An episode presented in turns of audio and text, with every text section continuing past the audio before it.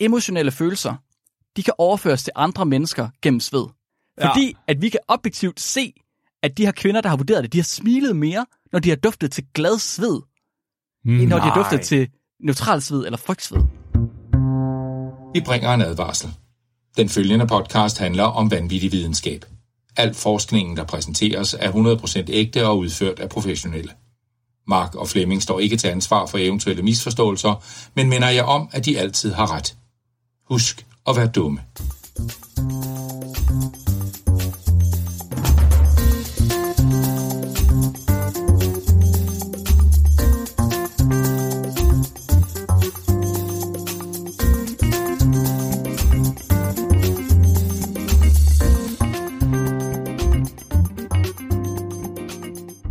Hej og velkommen til Videnskabeligt Udfordret, din bro til vanvittig videnskab. Er der ikke lidt øh, varmt herinde i dag, Flemming? det, det ved jeg ikke, men jeg har i hvert fald pandekager under armene, Mark. pandekager? Hvad? er det noget, man siger i Vestjylland, eller hvad? Nej, det er det faktisk ikke. Jeg har altid hørt det som, uh, som græker, men der er mange af dem, jeg kender, der altid har kaldt det for pandekager. At have pandekager under armene. Altså svedpletter? Ja, det er selvfølgelig svedpletter, vi taler om. Åh. Oh. Nemlig. Fordi det er lidt varmt herinde, Flemming. Det er altid lidt hot. Det er altid lidt hot, når oh. webcamet bliver tændt, og jeg kan se dig i den anden ende. Altså Mark, jeg, jeg begynder at fornemme øh, et tema i, øh, i, i det, vi taler om lige nu. Øh, det kan jeg ikke forstå. Der plejer aldrig at være nogen sammenhæng, noget sammenhængende tema i det, vi taler om. Nej, ga, altså kan jeg vide, hvad du skal tale om i dag, Mark? Hmm. Kan vide, hvad jeg skal tale om? Altså, jeg, jeg sagde det jo også som, som teaser der i sidste uge, men for, øh, for et par uger siden, der sad øh, Helena og jeg ved morgenbordet en lørdag morgen, og øh, sidder og drikker vores kaffe, som vi jo så ofte gør en lørdag morgen, da hun pludselig kigger meget intenst over på mig, og så spørger hun, Mark, hvorfor, hvorfor er der egentlig salt i sved? Og jeg har jo studeret menneskekroppen. Altså, jeg, jeg, har, jeg har ligesom kigget på, hvorfor det er, at menneskekroppen reagerer, som gør. Hvordan er den fungerer rent biokemisk, og hvordan fungerer... hvordan er det, altså, at vores reaktioner de er? Så min første indskydelse, det er jo, at det er indlysende. Altså, det, det ved jeg da godt, fordi at det gør den, fordi... Altså, det, det, altså, det gør den, fordi... Ja, Mark, altså, når du siger, at du har studeret menneskekroppen, ikke? Har du ja. så stået meget intenst ude på badeværelset foran spejlet? Er det ikke det samme, at studere menneskekroppen? Eller refererer du til det molekylærbiologi, vi har haft omkring mennesket? jeg refererer til det molekylærbiologi, vi har haft om mennesket. Okay, Men det okay. andet har jeg også gjort. Men det gik op for mig, at jeg ved, jeg vidste ikke, hvordan et sved fungerede. Det er vi aldrig blevet undervist i. Det ved vi ikke. Vi, vi ved alle mulige andre ting, men vi har ingen anelse om, hvad sved det er. Så jeg har brugt øh, min lørdag formiddag, den formiddag, på ligesom at undersøge, hvad sved det egentlig er. Og så faldt jeg så dybt ned i et rabbit hole, at øh, der kom et helt afsnit ud af det. Det er virkelig så, fedt, det elsker jeg. Lige præcis. Så øhm, gør jeg klar til at følge med i min øh, weekend morning rambling og øh, forstå og vide alt om sved. Flemming, det at svede, det er faktisk en sygt mærkelig ting. Det er faktisk mega, mega underligt. Og ikke bare for mig, fordi jeg synes, at sved er mærkeligt, men for biologien i det hele taget. Fuck dig. Vi har nu, har talt... jeg brugt, nu har jeg brugt fucking hele mit liv på at acceptere, at jeg er normal. Ja, det kan jeg love dig for. Der er ikke noget normalt. Og at du er normalt blandt mennesker, kan jeg fortælle dig. Du er Nå. ikke normalt biologisk set. Okay, på den måde. Det kan jeg fortælle dig. Ja. Vi, vi, har talt, vi har talt flere gange om, hvordan at øh, mennesket og ofte har været ret åndssvagt, fordi at vi ligesom har fundet nogle ting med dyr, hvor vi, eller fundet nogle ting med mennesker i virkeligheden, hvor vi siger, det her, det er fandme kun mennesker, der kan det. Det er der ingen andre dyr, der kan. Du ved, så har vi tænkt, okay, mennesker, de kan tænke. Det er der sgu ingen andre dyr, der kan. Og så er vi ret dumme, fordi selvfølgelig er der dyr, der kan tænke, og det finder vi jo så ud af. Nå, så er det sådan noget med, at ah, det er kun mennesket, der kan tænke over, hvad det er, de laver, og så finder ud af, at det kan delfiner og hunde og så sådan noget. Oh, fuck, fuck det Men Flemming, øhm, vi er det eneste kendte dyr i verden, der bruger sved som vores primære nedkølingsmekanisme. Okay, det er... Hvad? Vi er det eneste dyr i verden, der, der, bruger, der sveder for at køle os af hovedsageligt. Eller der hovedsageligt sveder for at køle os af. Okay, um, ja. No. Vi, så det er mega mærkeligt for mig. Det er mega mærkeligt for mig, at, at vi er sådan en unikum. Der er rent faktisk en ting ved os, der gør os unikke, men det er sved. Det er ikke vores store hjerner. Det er ikke, at vi kan tænke over ting. Det er ikke, at vi, det er ikke, at vi kan filosofere. Det er, at vi smider vand, saltvand ud af kroppen. Fordi okay, vi har det kom, okay, det kommer ikke bag på mig, at det er sjældent, men det kommer bag på mig, at vi er de eneste. Ja, okay, så der, der findes masser af dyr, der kan svede. Vi er ikke de eneste dyr, der sveder. Altså heste, Nej. hovdyr generelt, de har masser af svedkirtler, men de har kun øh, nogle bestemte svedkirtler. Vi kommer ind på, hvad det er for nogle typer. Okay. De har sådan nogle, der producerer sådan en fedtet masse. Hunde og katte, de har de almindelige svedkirtler, altså dem, som vi har rigtig mange af, men de har dem kun under deres øh, poter og trædepuder, Hvad? så de kan ikke bruge dem til at køle sig af med. Nå. Ja. Øhm, selv hos vores øh, fætter og kusiner i menneskeaberne, der øh, er det ligesom deres vejrtrækning, den her gispen, de bruger. Hvad hedder det? Panting på engelsk. Ja. Som er den måde, de bruger til at køle sig af på.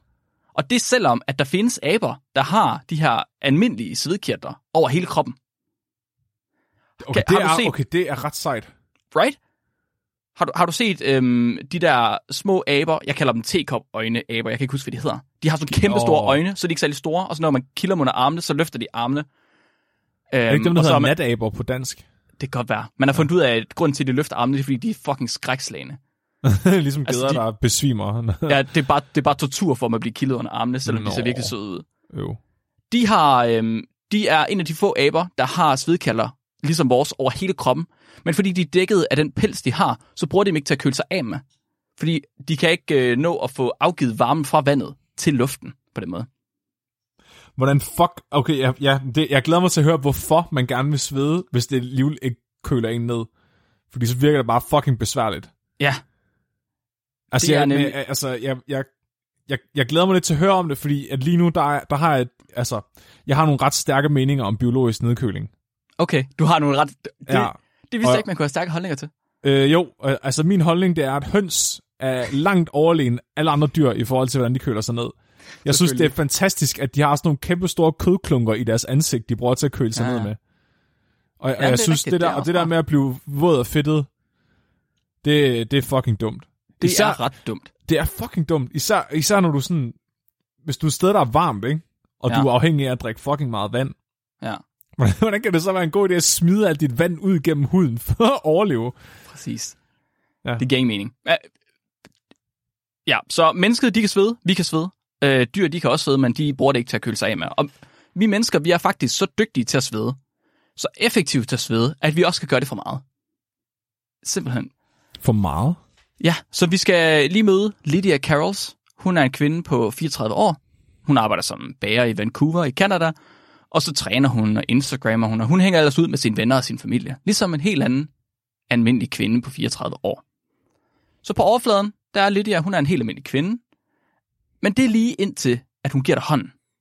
Eller at hun hopper i et par sandaler. Fordi Lydia, hun lider af noget, der hedder hyperhidrosis. Der er en sygdom, der gør, at hun sveder ufrivilligt meget. Åh, oh, Altså hun sveder, hun sveder op til tre gange, hvad der er nødvendigt på et hvert givet tidspunkt. What? Ja, Men så behøver hun ikke putte salt i sin dej, når hun bager. hun behøver aldrig putte salt i sin dej, når hun bader, øh, bager. Åh. Og vi kommer nok også ind på, hvorfor det er, at det måske er lidt klamt lidt senere. Men det, et eller andet sted, så er der virkelig ikke noget uhygienisk i at svede, fordi altså, det er det samme, der er på vores hud hele tiden. Og sveden i sig selv er ikke klam. Det er bakterierne, der er klamme på vores krop. Men det kommer vi også ind på. Mm. Yes. Så for Lydia her, der er det hovedsageligt hendes hænder og hendes fødder, der er påvirket. Øhm, så hun har ligesom, altså når hun begynder at svede, så får hun sådan en svedetur, hvor hendes hænder de bare begynder at drøbe. Jeg ved ikke, om du nogensinde har prøvet at være i lab, mens der er 36 grader, og du så har handsker på, og så tager dem, så kan du lige, du ved, trække ud i de der gummihandsker, og så drøber det ellers ud af dem. Åh, Ja, det er sådan lidt, at hun har det hele tiden hver eneste dag. Og hun bor i fucking Vancouver, hvor der er minusgrader det meste af året. Og det, det er stadig et problem for hende. ej, hvor er det vildt. Øhm, for mange andre mennesker, der har det lyder hyperhidrosis, der kan det simpelthen være hele resten af kroppen. Det kan være overalt på hele kroppen, at man har det her problem med at svede overdreven. Og altså, som sagt, vi snakker ikke bare lidt klamhænder. Det drøber bogstaveligt talt fra hendes hænder. Også når hun går rundt i frostgrader. Det er verdens Og- mest ubrugelige superkraft. Verdens mest ubrugelige superkraft. Hun kan ikke hoppe i sandaler eller klipklapper, fordi hun er bange for at falde ud af dem. Ej, Jo. ej. Præcis. Og så er det, man stiller sig spørgsmålet, okay, hvorfor, hvordan, hvor, hvorfor er det, at mennesket, de har, først, for det første har udviklet sig til at svede, og så at der nogen, der har udviklet sig til at svede for meget. Det er selvfølgelig, du ved, en, en lidelse. Med Flemming, hvad er det, det der sved, det overhovedet gør godt for? Hvorfor har vi det? Den primære mekanisme for sved, det er at afkøle os. For ved os, der er det den primære mekanisme. Og der findes egentlig øh, flere forskellige måder at komme af med varme på. Og med lidt frygt for, at min far eller min bror, de skal ringe til mig og sige, at jeg så fejl, så øhm, kan jeg fortælle jer, at der er fire metoder. De ved meget om varme og varmeoverførsel. Og de hører også med. Og jeg ved, at de ringer til mig, hvis jeg tager fejl. oh, oh. Så jeg håber, jeg har ret her. Der er ligesom fire forskellige metoder, som kroppen den bruger til at komme af med varme på. Der er konduktion, som er en varmeoverførsel mellem genstande, der rører hinanden. Det er den, vi har lært om i fysik. Når der man sætter to genstande mod hinanden, så går deres temperatur, du ved, så finder de en ligevægt. Så er der konvektion, som er varmeoverførsel mellem en genstand og så et medie, der ligesom bliver konstant tilført. For eksempel luft i, i en varmluftsovn. Mm. Øhm, så er der strålevarme, hvor varmeenergi det forlader en genstand som infrarød stråling. Så vi simpelthen, det er egentlig vores primære nedkøling, nedkøling faktisk. Det er simpelthen bare ved at afgive varme som stråling. Og det er ret sejt. Altså, vi går faktisk rundt alle sammen og er øh, ikke radioaktive, men i hvert fald udgiver en form for stråling hele tiden. Så derfor man kan se til infrarøde kamera. Præcis. Præcis. Aha. Og til sidst, så er der fordampning. Og det er jo over- varmeoverførselen ved fordampning af vand, simpelthen. Og når vi laver fysisk aktivitet, når vi er ude og træne, eller vi ligger, inde i, vi ligger og hygger inde i sengen, eller hvad vi nu ellers har gang i, så øger vi temperaturen i vores krop, fordi vores celler de begynder at nedbryde bindinger i molekyler, og så frigiver de noget af den her energi fra de bindinger som varme i stedet for. Og den varme, den ophober sig øh, fordi den bliver produceret langt hurtigere, end kroppen den kan nå at stråle det ud. Så vi bliver simpelthen varmere og varmere og varmere, fordi vores celler de begynder at nedbryde ting og frigive energi på den måde. Ja, så, ja, så varmen er et biprodukt af, at vi laver kemisk energi. Præcis, præcis, præcis, præcis. Og derfor så har vi et sted mellem 2 og 4 millioner små bitte porer på vores krop, der slanger sig som rør fra vores hud, fra den øverste del af vores hudlag, og øh, hele vejen ned igennem det ydre, ydre hudlag, og helt ind til de indre hudlag. Og de her slanger her, når de kommer i de indre hudlag, så krøller de sig ligesom sammen, som en kringle. Så vi har sådan nogle, sådan nogle jeg ved ikke, om man skal kalde det sådan knopskud nærmest, hvor du så har en kringle, der ligger nede under vores hud, som så går op i en slange. Og det er simpelthen vores svedporer. Nej, Jo, det er så. nej.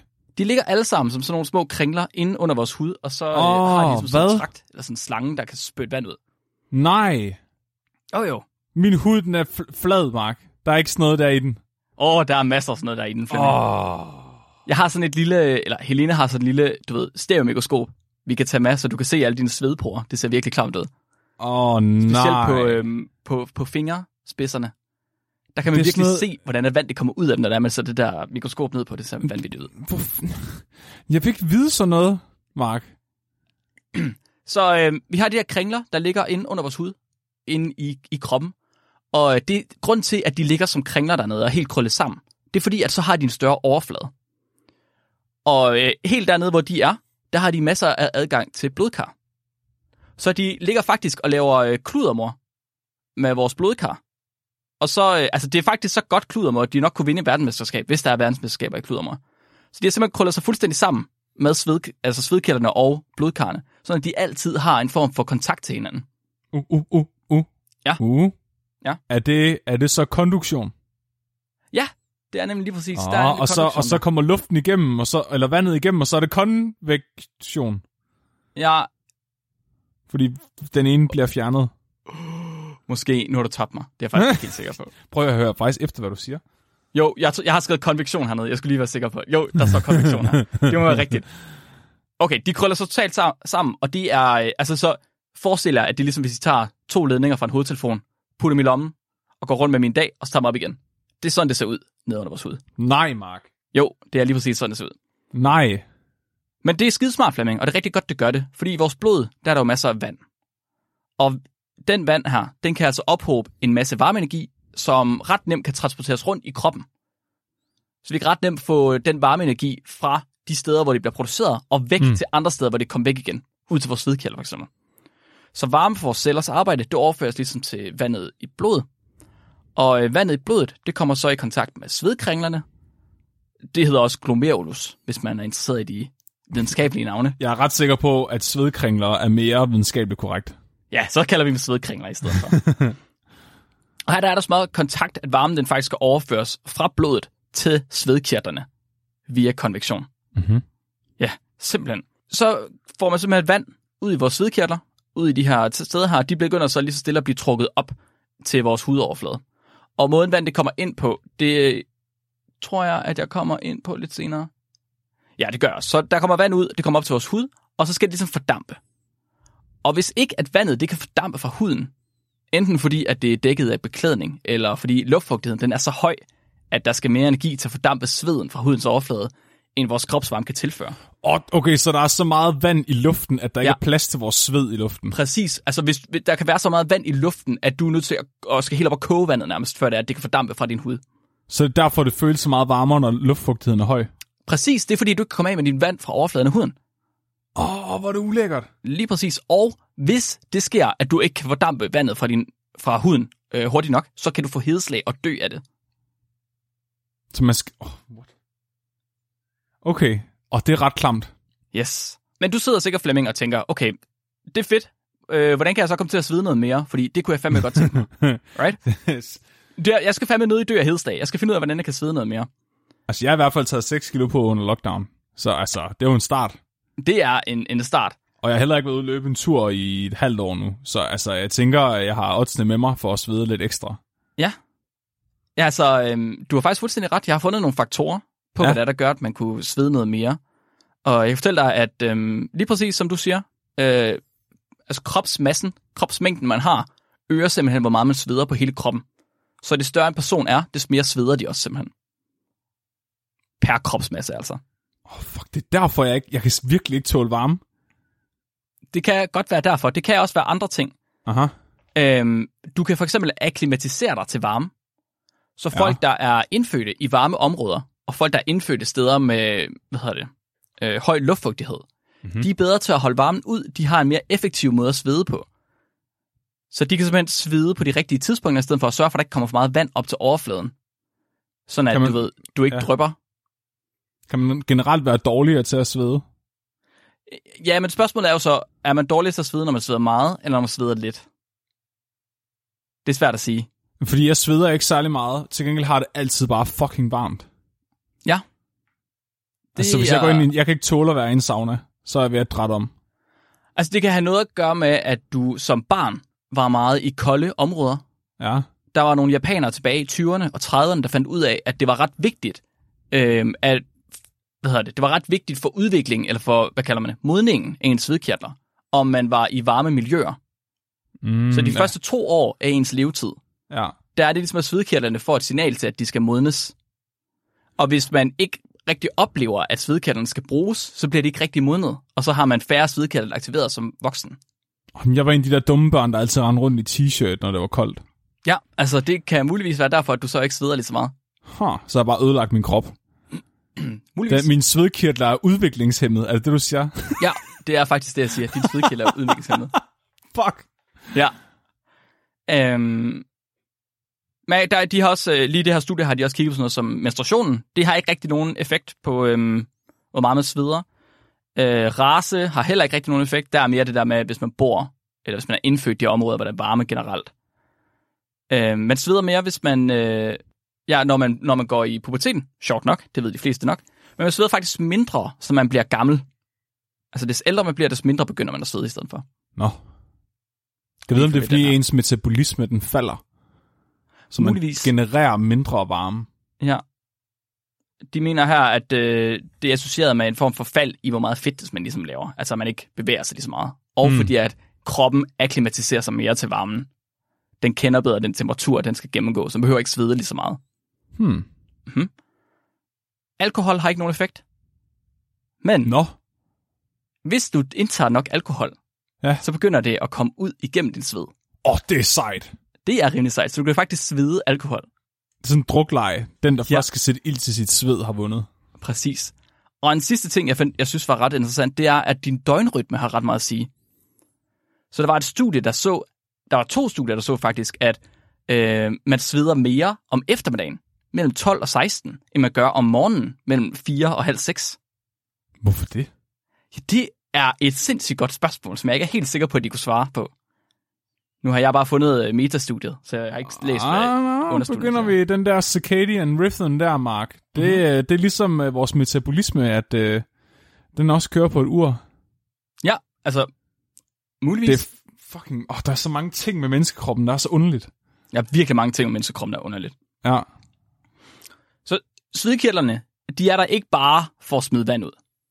Så i selve svedkirtlen, der foregår der sådan en ultrakompleks udveksling af salte, ioner, metabolitter, aminosyre, metaller. Så at man ikke bare sekrerer vand og natrium, men man sekrerer også jern, zink, urinstof, glukose, etanol og mange, mange, mange andre ting. Alle mulige mærkelige ting rører ud igennem din sved. Og det vildeste for mig, det er, at ifølge et af de reviews, jeg har læst her til min research, så er man faktisk ikke klar over, hvor mange af de her stoffer, der kommer fra blodet, altså passivt, og hvor mange, der aktivt bliver sendt til svedkirtlerne. Der er simpelthen ikke forskning nok i sved, og der er ret meget forskning i sved, kan jeg fortælle jer. Men der er ikke forskning nok i sved til, at man ved, hvordan at de her stoffer de kommer fra blodet og over til sveden. Man ved i stor stil, hvordan det fungerer med, med saltene. Ja. Det bliver ligesom, det er rent osmotisk, at du får ligesom et signal fra, fra øhm, hypotalamus om, at du skal begynde at svede nu. Så går det ned til alle dine svedkirtler, øh, og så begynder de ligesom at producere vand og smide vand ud i den her trakt, eller den her dugt, som ligesom er svedkirtlen. Og når der er meget vand og meget lidt salt, så begynder salt ligesom at blive trukket ind i vandet i stedet for. Mm. Det er meget ligesom det fungerer med mange andre øh, celler også. Men ja, sådan noget som aminosyre, Ja. det kan vel ikke diffundere over øh, blodbarrieren? Umiddelbart ikke nej.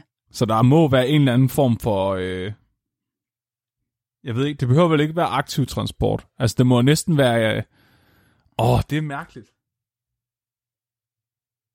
Du siger, at aminosyre forekommer i sved? Ja. Og det er også, øh, hvis, man, øh, hvis det er sterilt, altså at der ikke er nogen øh, bakterier i, for eksempel. Ja. Det er, super, det er super mærkeligt. Ja, men det, indtil videre, der har vi faktisk kun talt om de ekrine svedkirtler. Og vi har slet ikke talt om dem, der hedder de apokrine. Er der flere mark? Der er flere typer svedkirtler, Flemming. Svedkringler eller svedkirtler? Svedkringler. Der er flere typer svedkringler. De ekrine svedkirtler, de dækker hele vores krop, og vi har flest af dem på hænderne og under fødderne. Og det er ligesom de her svedkringler, som er overalt. De er ikke i forbindelse med vores hår, nødvendigvis. De sidder bare overalt i deres egen små porer. Men de apokrine til gengæld, det er sådan nogle, øh, det er ikke helt kringler, det er mere en form for, jeg ved ikke om det er bare sådan en produktionskirtel nærmest. Den sidder nemlig altid i forbindelse med hår. Og Så de er apokrine, en, øh, de apokrine svedkirtler. En hvad siger du? sådan en snøffel. Ja, en snøffel, lad os kalde det det. Så vi har øh, svedkringlen og snøflen. Vi er nødt til at holde det ved kager, Mark. Jamen, det er fint. Det er fint. Vi har kringlen og snøflen. Ja. Snøflen, de apokrine her, det er dem, som de fleste andre dyr, de har. Det er dem heste, de har sindssygt mange af. Så når man ser, at en hest, den damper, så er det fordi, den sveder ud af sine apokrine kirtler. Men der er faktisk ikke særlig meget vand i det øh, sved, der kommer ud af den. Nå. Fordi de apokrine kirtler, de sender ikke øh, saltvand ud. De sender sådan en lipidmasse ud, sådan en fedtmasse, der også er fyldt med proteiner og fyldt med, for mange dyr, der er det øhm, feromoner. Ved os, der er det alt muligt åndssvagt. Altså, det sender virkelig alting ud. Så det er sådan en slibrig, klæ- klæbrig masse i stedet Oh, for. det er sådan, vi skider bare ud gennem hårsækkene. Præcis, vi skider gennem, ud gennem hårsækken her. Og så, Og det er det, altså, De fleste dyr, de bruger det til ligesom at coate deres pels med, øhm, til alle mulige mærkelige forskellige ting. Nogle gange for at tiltrække mager, nogle gange så er det for at holde bedre til det miljø, de er i. Alle mulige åndssvage ting, de bruger det til. Men det er sjældent til at afkøle sig med. Nu- Og jeg sidder lige og kigger på, hvor mange hår jeg har på mine arme og hænder lige nu. Mm-hmm. Hvad kommer du frem til? At jeg, at jeg virkelig, at min hud, den skider meget. Ja, Så jeg, jeg, det jeg, har sådan nogle, jeg har sådan nogle abehænder og arme. Jeg ved ikke, hvordan jeg har det med den her information, Mark. Er det ikke Jeg, ret altså, mit liv, det var faktisk ret meget bedre for en halv time siden. Jamen, der det er er, ikke det, engang jeg nogen, er der har fået skåret tissemanden ud endnu. For jeg er her for at, for at gøre dit liv værre, Flemming. Og vi er slet ikke, altså vi er på ingen måde færdige endnu. Åh, oh, gud. Ja. Så de apokrine kirtler, de findes mest i forbindelse med hår. Det er også dem, det er derfor, vi ser dem oftest under vores armhuler og i vores skridt. Så øh, det er ligesom dem, der bliver aktiveret, når det er, vi går i puberteten. Og det er det jo nok, fordi at vi tidligere har brugt dem til at fortælle, at nu er vi klar til at... Er det derfor, vi begynder at stinke, når vi kommer i puberteten? det er lige præcis der, vi begynder at stinke. Men det er ikke sveden i sig selv, der stinker. Det, skal, det er ret vigtigt. Øh, det kan den gøre, det gør den sjældent. Fordi sved i sig selv er sterilt, og det er lugtfrit i oftest. Så det, der lugter, det er bakterierne under armene og bakterierne i vores skridt. Og det er altså mikrobiom, du ikke kan komme af med nødvendigvis. Du kan prøve at ødelægge det så godt du kan. Der er, der, det er også derfor, der er rigtig mange mikrobiologer og læger, der snakker om, at man skal passe på, at man går for meget i bad. Man skal lære med at vaske sig for meget med sæbe. Helst lade være med at vaske sig med sæbe, hvis man kan undgå det. Og hvis ikke man kan, så gør det måske maks en gang om ugen, eller en gang hver anden uge, eller sådan noget. For ligesom at holde det her mikrobiom i orden i stedet for. Hvorfor? Fordi mikrobiomet, hvis du begynder at ødelægge det mikrobiom, du har under armene, så begynder du at fjerne nogle gode bakterier og give mulighed for, at der er nogle dårlige bakterier, der kommer ind. Fuldstændig som i maven i stedet for. Så hvis du smadrer dit naturlige mikrobiom, så risikerer du, at der kommer andre mikrober til, som er knap så rare her. Hvad nu, hvis man øh, hypotetisk set oplever en pandemi, ja. Og man bliver opfordret til at spritte sine hænder øh, adskillige gange i løbet af dagen i, en, Mhm. mm-hmm. i halvandet år? Kan det have nogen effekt på mikrobiomet på hænderne, det- Mark? Det kunne det sagtens. Der er nogen, der mener, det har ikke så meget med sved at gøre, men der er nogen, der mener, at øh, eksem, det faktisk er et produkt af øh, stafylokokker på hænderne. Så de simpelthen tager fugten fra dine hænder. Jeg ved ikke, hvor meget forskning der er på området. Jeg prøvede at kigge på det til et afsnit en gang, men jeg kan ikke helt huske, hvor meget jeg fandt ud af. Altså, jeg har engang prøvet at røre ved en agarplade, altså sådan en øh, bakteriebudding, Ja, og så sætte den ind i et varmeskab natten over. Det var virkelig for uroligende at se, Mhm. mm-hmm. hvor mange bakterier der var på mine hænder, selv efter jeg havde vasket og sprittet dem. men det er nok i virkeligheden en god ting. Problemet er nærmere, at hvis du spritter dine hænder af rigtig meget, som vi nu har gjort, så risikerer du at få nye bakterier på dine hænder, som kunne være stafylokokker, som 50% af hele menneskeheden er bærer af, bare lige. Mm. Ja, og hvis du så, du ved, hvis det så rent faktisk er den, der giver eksem, så risikerer du så at udvikle eksem på grund af stafylokokkerne. Men vi spritter heldigvis ikke så meget af under armene, Flemming.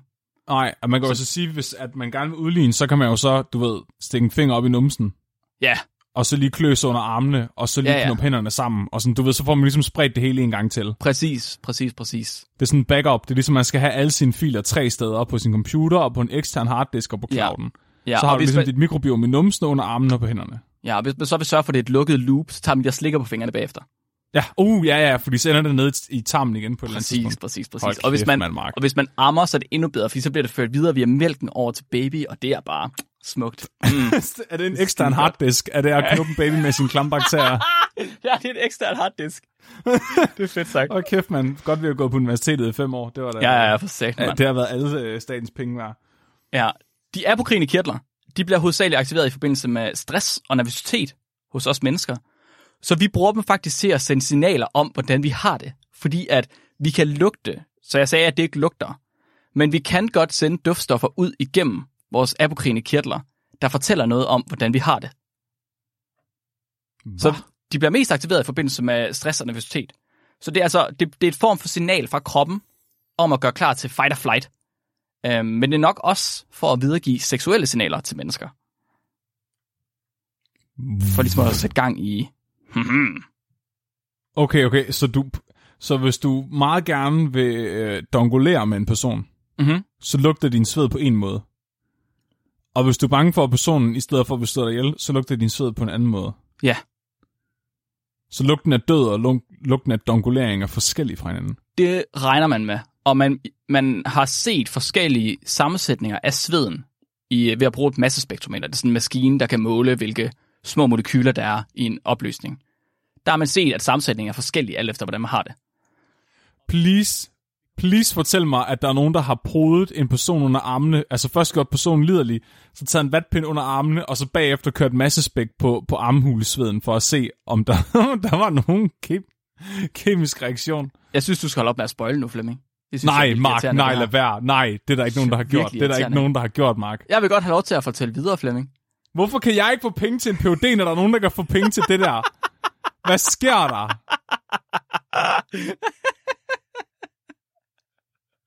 Det er fedt. Så den af de her svedkirtler her, går vi ud fra, hovedsageligt er der for at udskille hormoner, feromoner, øh, signaler til andre inden for samme art. Og øhm, man ved, at denne her kan have nogen særlig stor effekt på afkøling. Derfor også, den, de sidder kun under armene, de sidder i lukkede steder i virkeligheden, hvor vi ikke rigtig kan komme af med vandet igen. Øhm, og så er der heller ikke rigtig noget vand i. Det er mest fedt og protein, der er i det her væske. En lille bonusinfo. Øh, mælkekirtler, dem der sidder i babsen og laver mælk, og ørevokskirtler og tårkirtler, de er alle tre modificerede versioner af de her apokrine svedkirtler. Altså snøflerne. Ja, snøflerne er lige præcis. Så det er ikke helt forkert at sige, at kvinder de sveder mælk ind i deres børn. Siger du til mig, at jeg sveder ørevoks ud? Ja, du sveder ørevoks ud, Flemming. Når Hvad du med græder, så er det bare Tork? sved. Det er bare virkelig intens svedning. Mm-hmm. Meget Jesus. intens sved ud af øjnene, så det er faktisk okay at, det er okay at græde, fordi det er bare svedeflemming, og alle ved, at det er okay at svede.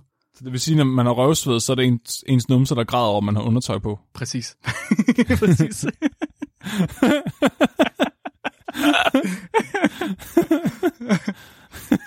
Men prøv at, prøv at, prøv at, prøv at, prøv at. I er ikke kommet her for at høre om vand og salt og fordampning og dit og datten, vel? Flemming, du er kommet her for at høre noget om menneskelig kropslugt. Du vil gerne vide, hvad fanden det er, der lugter. Og det, ved du hvad, Flemming? Det er der slet ingen skam i. Det skal du, hvis du vil høre, hvorfor du lugter af ost, så er du kommet til det helt rette sted. Det kan jeg fortælle Det er, dig. det er jo fordi, at at jeg, altså, jeg, har, altså, jeg putter gamle Ole under armene om morgenen. Altså. Ja, præcis. Og det er faktisk skide godt for din mikrobiom. Det er jeg slet ikke i tvivl om. Af Nej. probiotika i den. Ja. Så øhm, som sagt, svedlugten den kommer hovedsageligt af bakterier, der sidder under vores arme og i vores skridt, og som øh, er helt vildt glade for det her protein og det her fedt, der er i vores sved, som de så kan sidde og mæske i sig, haps, haps, haps, haps, og så kan de øh, lave det om til nogle svovholdige gasser, sådan at de kan sidde og prutte under vores arme. Så du kan få en masse god prutlugt ud af armene. Og det er rigtig godt til os. Og så tænker man måske, at øh, det må betyde, at ens kropslugt den bliver ringere, hvis man spiser meget svovlholdige madvarer. Det kunne man godt komme til at tænke. Det tænkte jeg i hvert fald. Sådan noget som løg og hvidløg, for eksempel. Flemming, er det ikke det, var det ikke det, du tænkte på? At man kommer til at lugte dårligere af at spise det. Ja. Jo, i hvert fald ud af munden. Jeg ved ikke, Ja, om... Jo, søden også. Jo, det tror jeg faktisk. Og løg. Mhm. Generelt Du er- løg. Du er jo heldigvis så heldig, Flemming, at videnskaben har svaret. Om, man, om ens sved kommer til at lugte dårligere af, at man spiser løg. Hvidløg specifikt. Okay. I 2016, der tog tre forskere fra Tjekkiet og fik fat i 42 unge mænd på omkring 25 år. De her mænd her, de var ikke ryger, de havde ingen hudsygdom, og de barberede ikke deres underarm. Altså deres, øh, hvad hedder det, armhuler. Nå, armhul, okay. Ja, ja. Ja, sorry, underarm. Det er fordi, det hedder underarm på engelsk. Dårlig oversættelse. Gør det det? Ja. Det kalder man det underarm hair. Det er jo armhulehår. Det har også armpit. Kan man ikke kalde det arm... Nej, det ved jeg ikke. Jeg kom bare lige til at tænke på knæhasen og så armhasen, men knæhasen må så... Armhasen må så være indersiden af albuen. Altså, det hedder også armpit. Jamen, det er jo så armhulen. Hulen. Det er den, jeg mener. Det er den, jeg taler om. Er, er, nums, er numsen så benhulen? jeg, var, jeg synes Ja. virkelig, navngivningskonventionerne ikke er særlig gode omkring det her. Altså, kan vi ikke omnavngive alting på mennesker? Kan vi ikke få noget ordentlig terminologi på banen? Hallo? Ja, altså nu har vi endelig fået sådan det metriske system, der gør det muligt, at, at vi kan at vi ligesom kan udveksle udregninger med andre nationer. Kan vi godt gøre det samme med menneskekroppen? Hvor revolution på sproget? Ja, altså prøv lige at tænke på de katastrofale konsekvenser, det kan have, hvis at vi ikke kan kommunikere, hvad vi mener med en armhul til et andet nation. Altså, det, Helt ærligt. Jeg. Ja. kunne måske også bare sige det rigtige ord i stedet for. Nej. Nej. 42 mænd på 25 år, omkring 25 år, der er blevet delt ind i to kategorier, eller to grupper. En hvidløgsgruppe og en ikke-hvidløgsgruppe. Og øh, de 42 mænd, de blev så bagefter fordelt ud over tre forskellige studier. I det første studie, der skulle hvidløgsgruppen spise et stykke brød med ost og 6 gram hvidløg. hvidløg. Det er svarer til, det svarer til det anbefalede daglige øh, indtag, og det er to hele fed. Altså ikke hele To? hvidløg, men fed. Råt. Ja, råt. Kontrolgruppen, de skulle spise brød med ost. I andet studie, der lavede de en fordobling af hvidløg, så at de nu skulle spise fire fede hvidløg i stedet for. Og øh, kontrolgruppen skulle stadig bare spise brød med ost. Okay, men dem, der spiser hvidløg, de spiser også ost. Ja, de fik også brød med ost, ja. Brød med Okay, ost okay. og hvidløg på. Så de skulle få et skive brød med en skive ost, og så skulle de have fire, hvid, fire fede hvidløg oven på den skive brød. Det er fandme en solid frokost. Det, ja, det, det er ved fandme noget, Flemming. Og så var der det tredje studie. Der tog de hvidløg, og så øhm, substituerede den for 1000 milligram, altså 1 gram hvidløgspulver, der var opløst i sojaolie i stedet for, som sådan en kapsel. En hvidløgskapsel. Nå, så de ikke behøver at smage på hvidløget. Ja, I guess. I don't know. Måske var det, fordi de tænkte, at hvis nu det ikke var øh, frisk, at så ville der være en anden effekt. Mm. Øhm, og kontrollen, de fik en placebo, en kapsel, hvor der kun var sojaolie i, og hvidløg. en placebo hvidløg. Det er jo derfor. Ja. Ja. Det er derfor, de har givet dem kapslen. Du kan ikke give nogen en placebo hvidløgsfed. ja, ja. Hvad skal de tykke på et stykke kridt? Det her, det er, det er hvidløgsfed. Ja, Det ligner godt nok meget skolekridt. Det, det smager også af skolekridt. Ej, det er hvidløg. Så de her 42 mænd her på hver deres øh, ene studie her, de får et instruktionshæfte med hjem, der beskriver, hvad det er, de må og hvad de ikke må dagen før prøvedagen. De må ikke, Flemming, de må ikke bruge parfume, deodorant, antiperspirant, aftershave eller shower gel. De må ikke få sig selv til at lugte godt. De må heller ikke spise hvidløg, løg, chili, peber, eddike, blå ost, radisser, kål, fermenterede mælkeprodukter, marineret fisk, alkohol, stoffer eller cigaretter. De måtte heller ikke dyrke sport, de måtte heller ikke have sex, de må ikke sove i samme seng som deres partner, de må heller ikke sove i samme seng som deres hund, og de skulle gå i bad uden sæbe dagen før. De skulle være Amish. De skulle være... Ej, men de måtte ikke sove med deres hund, Flemming. Nå nej, fuck. det er faktisk værre. Faktisk værre. Dagen efter, klokken 5-7 om aftenen, der kommer deltagerne ind i laboratoriet, og så får de ligesom deres hvidløgsdosis. Den skulle de spise foran, øh, foran forskerne. øh, og så fik de vasket deres armhuler med uparfumeret sæbe. Ej, hvor er det bizart. Det er så bizart. Så får de sat en bomuldslap, sådan en øh, stor vatrundel, ind i armhulen, som er, altså, jeg, den er 10 cm i diameter eller sådan noget. Får de sat den i armhulen, så det dækker hele lortet. Det er ligesom, når man, øh, da, hvis man er teenager og er bange for at svede. Der er nogen, der godt kan finde på at putte bind ind i armhulen. Nej, det har jeg fandme aldrig tænkt på. Har du ikke det? Hold kæft, det er smart. Jeg har aldrig selv gjort det. Jeg burde nok have gjort det, men jeg gjorde det ikke. Kan man også lige putte en mellem ballerne? Præcis. Så fik de, øh, de fik sat den her bomuldslap i armhulen. Den skulle de have på i 12 timer, ind under en hvid, nyligt vasket t-shirt, som forskerne havde købt specifikt til studiet. Så de Fordi kunne så se, de- om de svedte? Eller? Så var, de, jamen, så var de sikre på, at det ikke, øh, sveden ikke kom til at lugte af mændenes eget tøj. Ah, ja. Jeg Fordi har det- haft nogle af de der t-shirts, der har været forbandet. Ja, præcis, præcis. Jeg har ikke, øh, det har jeg ikke fået sagt, men grund til, at folk de ofte lugter, jeg tror, jeg ved ikke, du snakkede om en person sidste uge i Tåsinge, der lugtede rigtig meget i Nå, køen i supermarkedet. Nå, jo, jo, Willy Torcafé. Ja, så Ja, ja, ja, grund, til, grund til, at Billy Torcafé, han, han har lugtet så slemt, som han har, hvilket, altså, som Flemming han nogle gange har fortalt, det er højst sandsynligt ikke, fordi at hans sved lugter, eller hans bakterier lugter til Asaba. Det er nærmere fordi, at de kommer videre med i tøjet, og tøjet så ikke bliver vasket. Og så kan de få lov til at blive ved med at prutte og fermentere. Godt og grundigt. Jeg, jeg har prøvet at have nogle t-shirts, og uanset hvor mange gange jeg vaskede dem, så lugtede de stadig af sved. Det er nok fordi, du ikke har fået vasket bakterierne helt ud. De kunne ikke dø af at få sådan en kogevask. Og muligvis ikke. Det er Ja, vildt. Okay, en kogevask, de Mit virker, de mikrobiom, virker ja. vildt. Det virker Jeg vildt. tænker ikke, jeg skal, jeg skal opbevare min mikrobiom på nogle babyer. Det kan de ikke Mm. overleve. Jeg tror heller ikke. Hvis de gør, Flemming, så bliver det en super baby. Jeg har prøvet, jeg prøvede også med ikke. Altså, det var umuligt at slå det ihjel. Det er faktisk ret imponerende. Det er jo ikke bare, fordi ja. De lugter eddike, så vel? Hvad? Det er jo ikke bare, fordi at t-shirts lugter eddike. Nej, nej, de lugtede af mig. Nå, Ja. Det kan godt være, at vi skulle prøve at isolere nogle af de der bakterier, jeg har under armhulen, for at se, hvad det er for nogle arter. Det kunne være, det kunne være at vi kan finde noget nyt. det kunne være ret interessant. Måske har jeg en Nobelpris under armene, Mark. Måske, Flemming. Altså, jeg kunne ikke forestille mig andet. Jeg har lugtet til dig. De lugter Nobel. Så de var ligesom inde og æde deres hvidløg, og så fik de selvfølgelig tjekket, om de havde fulgt instrukserne. Havde de ligget i samme seng som deres kæledyr. Og det kan jeg fortælle Flemming, at det havde de selvfølgelig mega svært ved. Undskyld, hvad? De, de kunne ikke finde ud af at følge de der instrukser der. Hvad? En af dem havde spist hvidløg dagen før. En anden, han havde vasket sig med duftsæbe. Der var en, der havde spist løg. Der var to, der havde drukket bajer. Og en af dem havde fucking taget parfume på. De ved, at de, skal ind til, de ved, at de skal ind til et svedstudie, hvor de skal undersøge, hvordan at der svedet lugter. Og så tager han parfume på.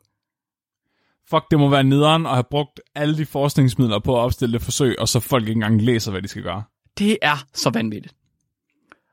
Okay, men så de ekskluderer de her tosser her, der ikke kunne finde ud af at holde sig i skinnet. Og, øhm, og så, skulle, så fik de lidt som ellers deres bommelspænd øh, vurderet under armene. Så dem tager forskerne fra gutterne, smider dem ned i et øh, patentglas og lægger låg på, og så smider de dem ind i et køligt, ventileret lokale. Og her har der så, her, i det her lokale her, der står der så en række glas, man låg på. Og inde i glasene, der var selvfølgelig bommelspændene. Lugten af de her bind, Flemming, de skulle vurderes på en syvtrinsskala på fire forskellige parametre. Hvor behagelig var lugten? Hvor tiltrækkende var den her lugt? Hvor maskulin var lugten? Og hvor, Tiltrækkende. og hvor intens er lugten? Okay, men, men hvor feminin lugten var, var ikke en af dem. Hvor feminin lugten var, var ikke en af dem. Jeg tror, det, fordi at det, det er er det modsatte sexistisk. maskulin jo. Hva? Right? Så hvis den er meget lidt maskulin, så må den være meget feminin. Ja, det er måske rigtigt nok. Tror ikke det? Jo. Flemming, hvem skulle vurdere den her lugt? Nej. Okay, jeg har, jeg har lyst til at sige øh, højrehåndede gårdejere med et solidt overskæg i alderen 43 til 75. Okay, hvad tror du er det rigtige svar? Øh, åh, kan vide, om de har valgt nogen, der var ekstra gode til at dufte ting. Jeg ved, om det har været sådan nogle af de der rødvinssnopper. Ja, nej, Nej? nej. De skulle selvfølgelig vurderes af 42, nej, øh, 82 unge kvinder mellem 20 og 30 år. det er klart. Du skal vide, hvor mandlige Hvorfor? de her mænd er, så du får selvfølgelig kvinder ind til at vurdere, hvor mandlige de er. Nej, klart, det må så være de meget eneste bare, rigtige de der det. mandlige forskere, de gerne vil møde nogle single kvinder. Et- altså, De havde også, forskerne, de havde selvfølgelig sørget for, at alle kvinderne, de var på hormonel prævention. Fordi at så var de sikre på, at deres hormonbalance ikke varierede for meget, hvis nu de skulle have menstruation eller et eller andet. Det er faktisk en alvorlig fejlkilde alligevel, fordi jeg mener, at vi tidligere har haft et studie med, der viste, at øh, kvinder, der var, tog øh, p-piller, blev tiltrukket af mere feminine mænd, og kvinder, der ikke var på p-piller, de blev tiltrukket af mere maskuline mænd. Altså med højere, te- unds- undskyld, mænd med højere testosteronniveau, og mænd med lavere testosteronniveau. Okay. Altså, jeg tror, det er heldigt nok så, at de både har tiltræk, tiltrækkethed og maskulinitet med Ja. som målefaktorer, right? Okay. Ja. Jeg synes bare, det er lidt, det er lidt fucked og heteronormativt, eller hvad man nu skal kalde det, at, at de, de er nødt til at tage højde for, at de her kvinder ikke menstruerer. Det er fordi, at, altså grund til, at de vil sørge for det, det er fordi, de har en fornemmelse af, at kvinder, hvis de varierer for meget i hormonbalancen, så kan de vurdere øh, mandlig lugt forskelligt. Men det er også mærkeligt, at de mener, at det kun er mænd, der tiltrækker kvinder med sved, Ja. duft, og ikke Ja. omvendt. Ja, Det er bare sådan, nej, kvinder, de må ikke, det er u- alt for uattraktivt, hvis kvinder lugter sved. Men, men Præcis. hvis mænd gør det, det er sexet. Og okay, du synes, det her det er endnu mere interessant, når vi er færdige med, med afsnittet. Hvilket år er det herfra? Uh, det, og det, det, det, 2016 var det. What? Nej! Er det så Jo. nyt? Ja, ja, ja. De kommer ikke med noget belæg for, hvorfor at, øh, at øh, kønsrollerne øh, overhovedet er en ting, de undersøger. Uh, nej. Nå, okay. Nej, nej, nej. De er bare interesseret i, hvorfor lugter man af hvidløg, og det perfekte måleoffer på det, det er jo mænd. I guess. Så, Flemming. 82 kvinder mellem 20 og 30 år, der var på hormonel prævention. De blev sat ind i det her rum, og så skulle de lugte til de her øh, bomuldsrundeller med sved på. Så de, gør, de får øh, et glas vand, en Marsbar og 5 dollars Nej, for at være med i det her forsøg her. nej, lad være. Det er noget, du finder på. Nej, det er fandme rigtigt. En Marsbar. ja, en fucking Marsbar. og så går de ellers rundt til de her glas her, tager låget af, stikker snuden godt ned i, sniffer godt ind, og så skal de vurdere øh, behagelighed, tiltrækkethed, maskulinitet og intensitet på en skala fra 0 til 7. Flemming, lugter hvidløgsspisende mænd mere behageligt, tiltrækkende, maskulint, intenst? Hvor er det åndssvagt, det her forsøg, Mark? Jeg, jeg spørger dig, lugter Hva, de hvad, er det, hvad er det, de tester? de, de er ved at finde Fordi ud af, vi- om, hvor- de er ved at finde ud af, hvorfor? om, om man lugter bedre, hvis der man spiser hvidløg, eller lugter ringere, hvis man spiser hvidløg, Flemming. Men hvorfor? Fordi det er da Altså, interessant, vi spiser okay, meget så de- hvidløg.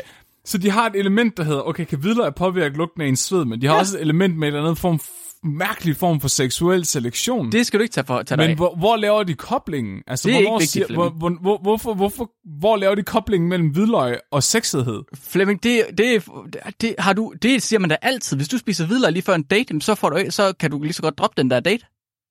Der er ingen, der gider være sammen med dig. Mark, det er altså, jeg er okay, der ændrede du lige alt. Jeg er helt overbevist nu. Det var ja, meget, tak, bare se. det var virkelig et savligt argument, det der. Det må jeg give dig. Øhm, tak, tak. Jeg har også gået på universitet i mange år. Jeg tror ikke, der var nogen fucking forskel. Og hvis der var, så har de lavet p-hacking. Okay, okay, okay, okay. Ved indtagelse af 6 gram hvidløg, to fed, der var der ingen forskel mellem de to grupper. De lugtede lige maskulint og intenst og attraktivt og whatever. Så det var derfor forskerne, de ligesom fordoblede mængden. De var sådan, okay, så prøver vi sgu at se, hvad der sker der, hvis man æder endnu mere hvidløg. Det dobbelte mængde af, hvad det anbefalede daglige indtag, det siger. Og da de gjorde det, så var der lige pludselig signifikant forskel på alle parametre. Hvidløg, det får mænd til at lugte mere behageligt, mere tiltrækning, men samtidig mindre maskulint og mindre intenst. Vi har lige pludselig fået, øh, fået svar på to hypoteser nu, Flemming. For det første, så lugter man mere, så lugter man mere behageligt, når man spiser hvidløg, men for det andet, så lugter man også mere behageligt, når man lugter mindre maskulint. okay, du, du, ser, du, har, du har det virkelig hårdt lige nu. Nej.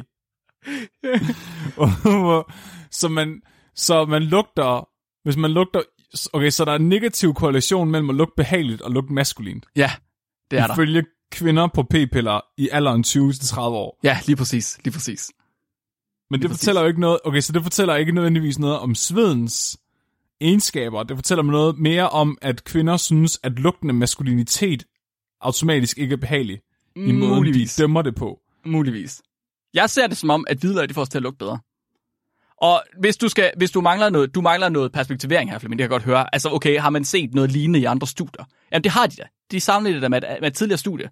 Her der havde man taget øh, ammende babyer, og så sat dem øh, fast på en mor, så den skulle drikke noget mælk, ikke? Ja. Øh, og så havde man da nogle af møderne spist hvidløg, og så så man, at øh, babyerne, de ville hellere sidde fast på patten, når mor havde spist hvidløg. Nej. Så hvis man har problemer med amme, så skal man bare æde hvidløg. Ja, og ved du hvorfor? De, okay, Nej. så de skriver, de skriver dybt seriøst. De mener, det er fordi, at mælken smager bedre, når der er lidt hvidløg i. Ej, det, jeg har aldrig hørt noget lignende. Det er så fucking sindssygt sagt. Det er det mest vanvittige, jeg nogensinde har hørt. At, at, det, at den her forskning, Mark, ikke? Mhm. Er, det, er den finansieret af hvidløgsbrød? Er, er det sådan et andet hvidløgsbrødsfirma fra USA, der har finansieret den her forskning? Det har jeg faktisk ikke tjekket. Jeg Altså, ved, det, der er... det lyder virkelig... Det er så bizart det her. Der- Den her forsøgsopstilling, den er så underlig og så biased, at jeg næsten har lyst til at sige, at de bare gerne vil bevise, at hvidløg er godt. Altså, muligvis. Muligvis. Altså, fordi Men, okay. det, det, lyder, det, lyder, det lyder bare som andet stort ondt hvidløgsfirma, der har betalt for, at nogle forskere skulle bevise, at hvidløg er sexet. Men nu skal du lige, nu skal du lige rolig nu, Flemming. Fordi det, jeg siger, det er ikke, at de går fra at have en score på 0 i attraktivhed, og så når de spiser fire fede hvidløg, så går de op på 7. Det, der sker, det er, at øh, de har en score på 2,9 i attraktivhed, når de ikke har spist hvidløg, og en score på 3,2, når de har spist hvidløg. Og det, og det var signifikant. Det er signifikant, det. altså det er signifikant, med en PVD under 0,001 eller sådan noget. Men det er jo ikke nogen stor forskel, man lugter stadig ikke godt. Altså, de kvinderne synes stadig, man lugter ring, men lugter bare lidt bedre, end de mænd, der ikke har spist hvidløg. Så alle mænd lugter dårligt. Alle mænd lugter altid dårligt. Man lugter bare en lille smule bedre, når man har spist hvidløg. Ej. Jo, jo, jo, jo. Og maskulinitet, den lå på cirka 5, øh, men dem, der har spist hvidløg, og intensitet lå på cirka 4,5. Så man lugter rigtig maskulin. Man lugter rimelig intens, kan, man lugter kan pænt det her dårligt. være? Altså, jeg tænker på, om det her det egentlig ikke har en evolutionær fordel på en eller anden måde. Mhm. Hvis vores kropslugt ændrer sig baseret på indtaget af hvidløg, kan det være, fordi det er evolutionært fordelagtigt at, at kunne signalere til vampyrer, Mm-hmm. at man er i besiddelse af hvidløg. Fordi, altså... Øhm, Det er seksuel selektion. Kan Ja, men går der er noget efter mænd, ja. der kan få, få vampyrer til at fuck af. Men der er jo noget, der er jo noget selektionspres der, ikke? Fordi, fordi hvis, at du, hvis du kan undgå at blive øh, dræbt, altså nu ved jeg også, altså hvis du kan undgå at blive dræbt af en vampyr, Ja, så, så vil du også få mere levedygtigt afkom. Det er true. Øh, ja, så, så jeg, jeg tænker egentlig, øh, måske hvis man gjorde det for en anden ildelugtende øh, grøntsag, så, så vil man ikke se det her. Fordi der er vel, der, jeg, jeg kender ikke til nogen andre grøntsager, eller fødevarer generelt, Nej. som, som Nej. ligger noget selektionspres på mennesket, end, end, end linjen, der hvidløg gør i forhold til vampyrangreb. Det er interessant, du skulle sige det der, Flemming. Øh, fordi at det er jo ikke alt, vi spiser, der får os til at lugte bedre. Har jeg fundet ud af. Så der, der er et andet studie, også fra Prag, også fra Tjekkiet, hvor de har inviteret 17 mænd ind, der ikke barberer sig under armene. Det er meget vigtigt. De har faktisk også i alle de her, øhm, i alle de her studier har de sørget for at, at give dem den her test, jeg fandt på et tidspunkt, hvor de kunne finde, om de var højrehåndet eller ej. Så de sørgede for, at alle t- øh, deltagerne de var højrehåndet. Nej, har de Jo. gjort det i det her studie? I al, dem, alle studierne, jeg har fundet, der har de skrevet, vi øh, udsatte dem for den her test. Og det var den test, jeg fandt og smed på Facebook en gang. Og, så de har, det er kun højrehåndet, de har gjort det her på? Kun højrehåndede mænd, ja. Okay, jeg, jeg tager alt tilbage, hvad jeg har sagt om deres data. Jeg tror 100% på dem, og jeg synes, det her forsøg det er fantastisk. Altså, det, det, der står, det, der står her, det er indiskutabelt. Fakta. Du kan ikke, du, altså hvis du kun bruger højrehåndede forsøgspersoner, så kan dine data ikke være forkerte. Du er så mega bitter, Flemming. okay, 17 mænd, der ikke barberer sig under armene over højrehåndet. De 17 mænd bliver delt ind i to andre grupper, to nye grupper. Det er ikke noget hvidløg længere. Nu er det kødspisere versus ikke kødspisere. Mændene, Hvad? mændene, de fik hver især en måltidsplan, de skulle følge i 14 dage. Så de fik en liste med 33 retter, og de skulle spise minimum en af de retter om dagen. Og det var retter, hvor de var, øh, de var designet sådan, at den eneste forskel, der var på retterne, det var, at der var til, øh, tilført en lille smule kød, så man så, du ved, kunne lave retten uden. For eksempel risotto, der var en vegetarret, eller risotto med kød i, svinekød. Og øh, de får så de samme instrukser som de andre gutter. De må ikke øh, gå i seng med deres kæledyr. Men de skulle følge de her instrukser her i 14 dage, i stedet for bare en enkelt dag. Og de sidste fire dage af forsøget, der blev alt deres mad lavet for dem i laboratoriet. Fordi så havde forskerne fuld kontrol over deres indtag af kød. Og det blev selvfølgelig designet sådan, at, at kødspiserne de fik 100 gram rødt kød til frokost og til aftensmad hver dag. Mens vegetarerne ikke fik kød, selvfølgelig. Må jeg gætte, Mark? Hvad vil du gerne gætte på? Deres hypotese var, at mænd, der spiser kød, lugter mere maskulint, men mindre godt. Hmm. Jeg er faktisk ikke sikker på, at de spæder en hypotese op, udover at, der var, at de mener, der er forskel på, mig, hvordan man lugter, når man har kød. okay. Men jeg synes, din hypotese giver mening. Ja, tak. Så på dag 14, der fik alle deltagerne uddelt sådan vatrudel, ligesom tidligere, øh, og den skulle de så gå med i 24 timer. Og efter de 24 timer, så kom der 32 kvinder, mellem 19 og 32, 32 selvfølgelig. Hvorfor skulle- er alle de her svedforsøg sådan? Fordi det Hvad er der galt med det forskningsfelt, Mark? Jeg ved det ikke. Er det bare sexistiske gamle mænd, der designer alle de her forsøg? Det er jeg 100% sikker på, det er. Og så der kommer 32 kvinder ind mellem 19 og 30 år, som skal vurdere prøverne. Selvfølgelig. Du ved, tage en ordentlig sniffer til dem. Var de højrehåndet? Ja, det så det selvfølgelig, for de var. Og for kvindernes deltagelse, der fik de en parfumetester og 100 gram chokolade. Ej, hvor er det sexistisk. Det fik de. Det var simpelthen deres øh, belønning for at lugte til sved fra 17 mænd. Hvis jeg havde lavet det her forsøg, så havde jeg i stedet for givet dem øh, telefonnummeret på den mand, de rated til at dufte bedst. Men du, du glemmer igen, at manden, der blev rated til at dufte bedst, blev stadig rated til at dufte rigtig dårligt. så man lugtede Ja, ikke men, godt. men prøv at høre, det her, det, de her det, er jo, det er det ultimative datingshow, det her. Ja, Det er jo også sådan, at du nemmere finansierer din forskning. Det er, hvis du bl- blander det med dagens mand. Jamen, det har du faktisk nok ret i, Flemming. Det tror jeg, Ja. du ret i. Så du havde i virkeligheden ret tidligere, da du opstillede din hypotese. Så de her forskere her, de fandt, ligesom du også sagde, Flemming, at kødspiserne, de lugter mere intense, de lugter også dårligere, og de lugter mindre tiltrækkende end ikke-kødspiserne. Så hvis du spiser meget rødt kød, så lugter du ringen. Ja. Og det har jeg måske en forklaring på, som forskerne de faktisk ikke kommer ind i i deres diskussionsafsnit. Og er det dyrenes lidende sjæl, der kommer ind i din krop og forlader den gennem svedkirtlerne? Det er meget tæt på, faktisk. Fordi, øh, så systemet i svedkirtlerne, det er faktisk meget lidt ligesom, meget ligesom systemet i nyrerne. Så i nyrerne, der har vi også, øh, der har vi sådan nogle forskellige, øh, hvad hedder det, opdelinger i nyren, hvor der er en masse celler, og der er også det, der hedder glomerulus, ligesom der var i, i kringlerne, hvor øh, vi simpelthen er samler det salt op. Præcis, ligesom der var i tidskringlen, fuldstændig. Ej. Det er faktisk så tæt på hinanden, at jeg vil våge den påstand, at hver det eneste svedkirtel i virkeligheden er en lille urinvej i sig selv. Nej, Mark. Mark. Jo. Mark. Så det, jeg vil sige, det er ikke helt forkert at tænke på sved som tis, du ikke selv kan styre. Og nu ved jeg jo en lille smule om tis, hvis I skulle være i tvivl.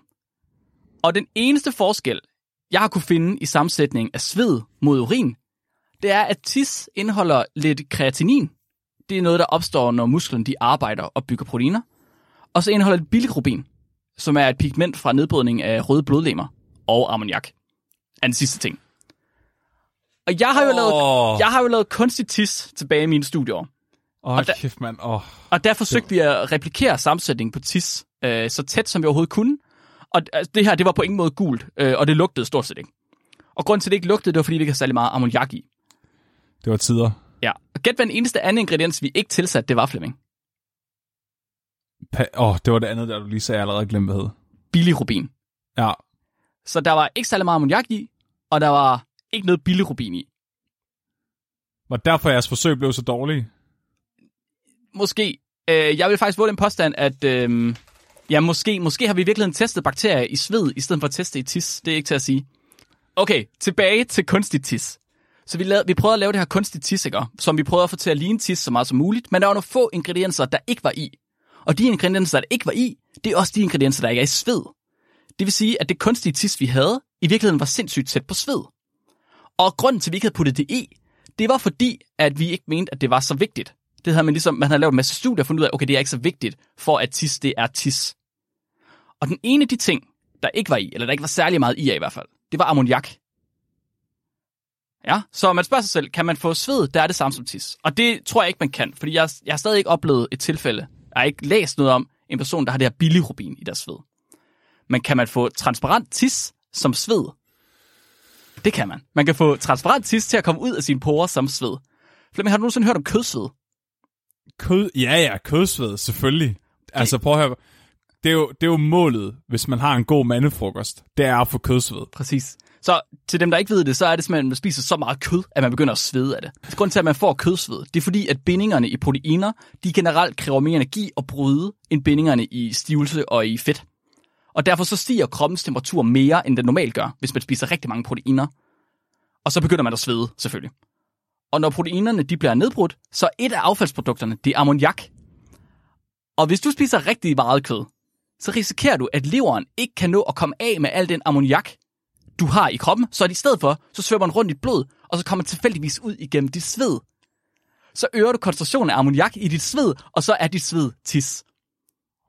Oh. Hvis du spiser for meget kød, så risikerer du, at dit sved bliver så tæt på tis som overhovedet muligt. Det er sejt. Du kan bogstaveligt talt svede tis. Så hvis du æder nok stegt flæsk, så pisser du gennem huden. Ja, præcis.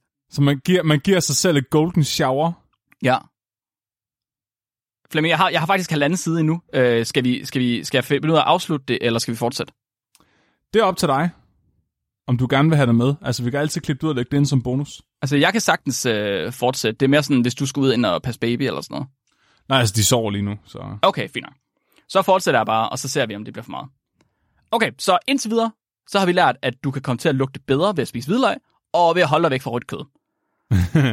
en anden ting, man skal prøve at undgå, for ligesom at undgå at lugte for meget, det er at blive gammel. Fordi i Japan, der fandt man i uh, 2001, der fandt man et helt nyt lugtmolekyle i forbindelse med sved, der kun fandtes hos individer, der var over 40 år gamle. Ej, hvor sjovt, så folk, gamle mennesker har faktisk en lugt af gamle mennesker. Og Flemming, de havde fucking lavet masse spæk på deres sved. De har seriøst stået og indsamlet sved fra de her gamle mennesker og fra unge mennesker, og lavet masse spæk på det og sammenlignet det. Der Det er folk, rigtig der, videnskab. der er folk, der har fået penge til at fucking lave masse spæk på sved. Jeg er så kald. Men det er, fuck, det er, ikke, det er meget, meget, meget, meget mere videnskabeligt, end at, end at få 19-30-årige kvinder til at lugte til svedet fra mænd. True. Øhm, true, true, true, true, true. Hvis du er en venstrehåndet mand, så risikerer du, at din venstre armhule, den lugter ringere end din højre armhule. Der var et studie fra 2009, der undersøgte om 49 kvinder, igen, de vurderede duften under armen på 38 mænd, anderledes alt efter hvilken arm der var tale om, og alt efter hvilken hold, der var mandens dominante. Og her fandt man simpelthen, at venstrehåndet mænds venstre armhule, den duftede mere maskulin og mere intens end deres højre armhule. What? Ved højrehåndede mænd var der ingen forskel.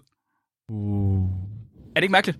Så okay, så venstrehåndet, så der er biologisk forskel på venstrehåndet og højrehåndet mennesker, Mark.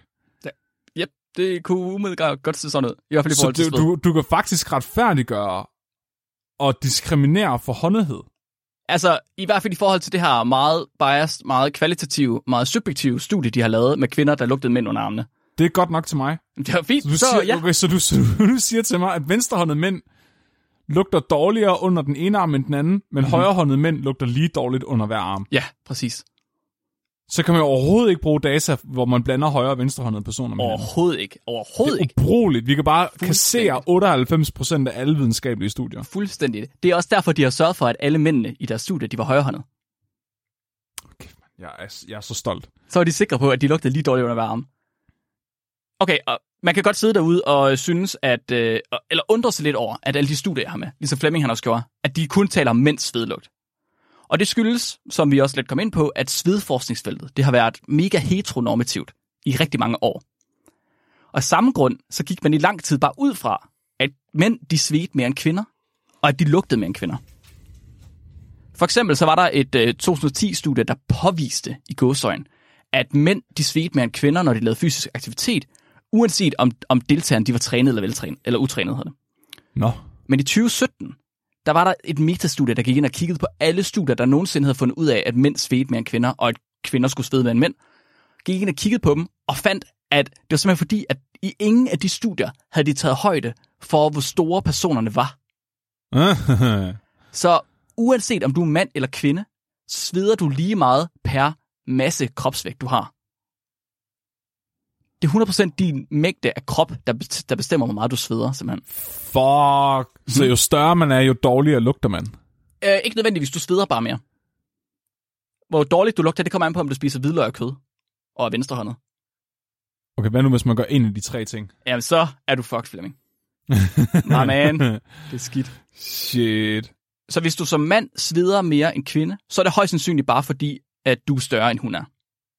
Så hvis du gerne vil være den, der lugter bedst i dit parforhold, så skal du sørge for at gifte dig... Eller hvis jeg gerne vil være den, der lugter bedst, så skal jeg finde en kvinde, der er større end mig. Igen, hvis du gerne vil have en kvinde, der sveder mere end dig. Ja. Ja.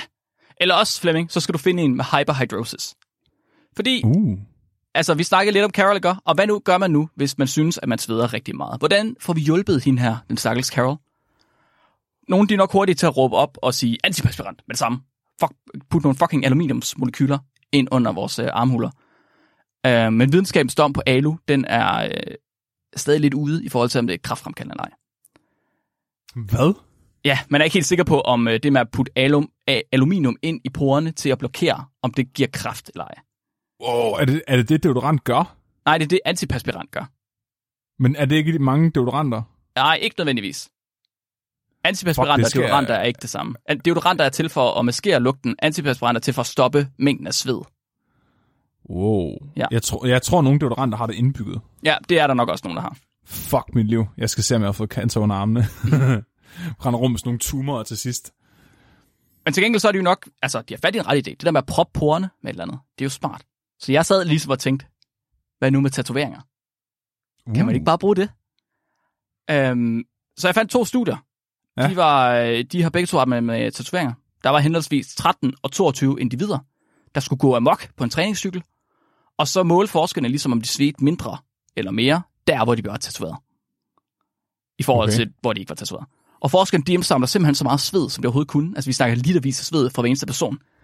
Øh, og så måler de både aktive svedkirtler og overfladetemperatur. Og, øh, I begge de her to forskellige uafhængige studier, der var der ingen forskel mellem tatoverede områder og ikke tatoverede områder. Øv. Ja, så desværre kan du ikke tatovere dig under armhulen for at stoppe med at svede. Det gør ingen forskel. Pis. Den eneste løsning, man kan få gjort, som egentlig virker, og som nok ikke er kraftfremkaldende, det er simpelthen at få lavet en nerveendeoperation. Og simpelthen forhindre nerverne i at sende et signal til svedkirtlerne om, at de skal producere sved. Uh, så for eksempel et, et voldsomt brændsår. Et voldsomt brændsår ville nok kunne virke, ja. Så det kan også være, der var fjerner svedkirtler måske. Hvem ved. Oh, det er ret... Okay, så du Ret kan bare dybt. brænde dig under armene. Brænd under armene, det skal nok virke. I hørte det her. Brænd under armene. altså, det virker for de fleste, øh, men desværre ikke for alle, og heller ikke for hende Carol her. Så hun har desværre ikke hvis, man er, hvis man er venstrehåndet, så kan man nøjes med at brænde sig under venstre armhul. Ja, præcis. Ja. Og så altid bare stå og løfte venstre arm. Det er fint nok. Ja. Ja. Øh, det virker svært for Carol, så hun har altså ikke fundet en løsning på sit svedproblem. Men til gengæld, så er hun glad for at svede. Og jeg siger også, er det overhovedet så stort et problem at svede? Flemming, er det ikke helt okay at svede? Det synes jeg, og det synes det sidste studie, jeg har fundet også. Fordi det har vist, at emotionelle følelser, de kan overføres til andre mennesker gennem sved. Undskyld, hvad? Det her studie her, det tog 12 mænd og fik dem til at donere tre forskellige typer sved med en uges mellemrum mellem hver donation. Aha. Deltagerne de kom ind i laboratoriet, og så blev de sat, sat ned i en stol og kigge på et fjernsyn.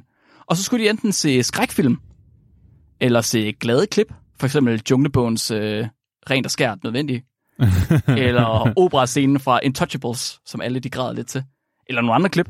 Og så, eller også så skulle de se neutrale klip, når de skulle donere neutral sved.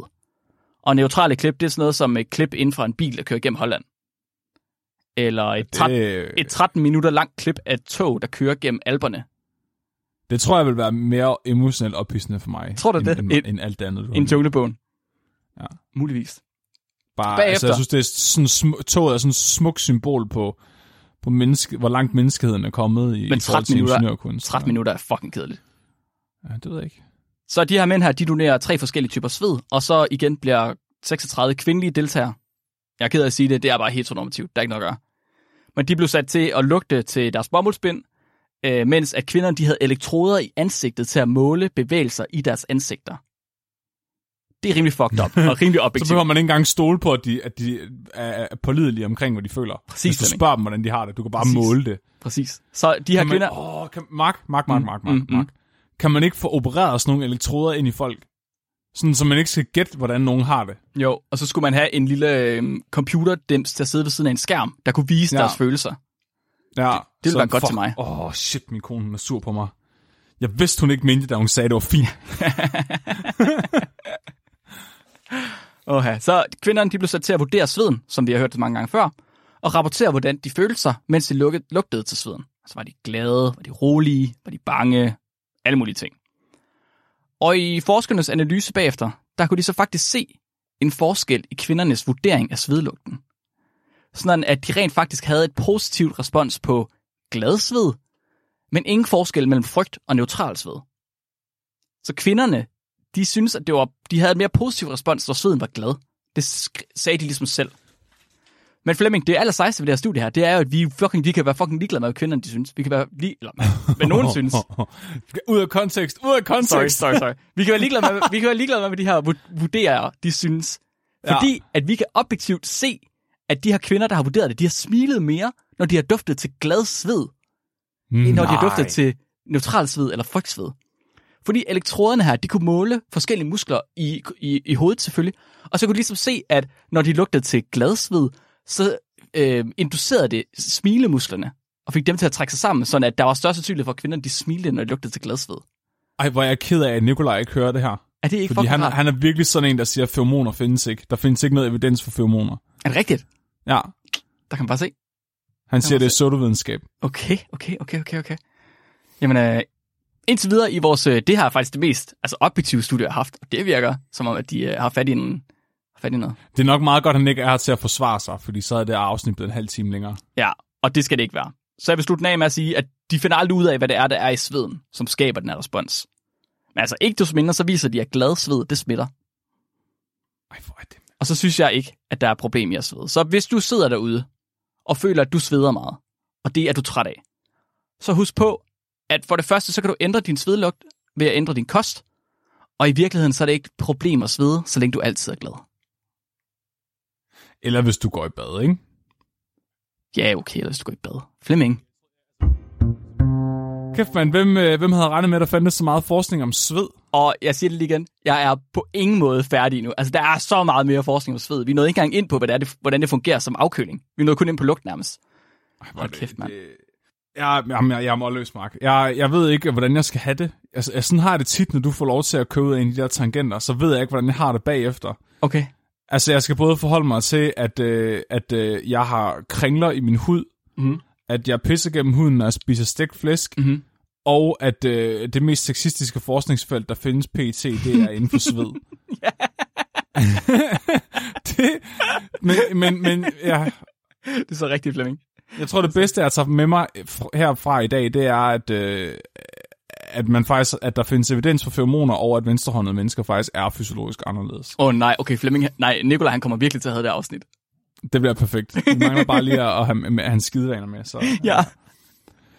Tak for det, Mark. Velkommen. Tak. Hvad er det folk, de skal gøre?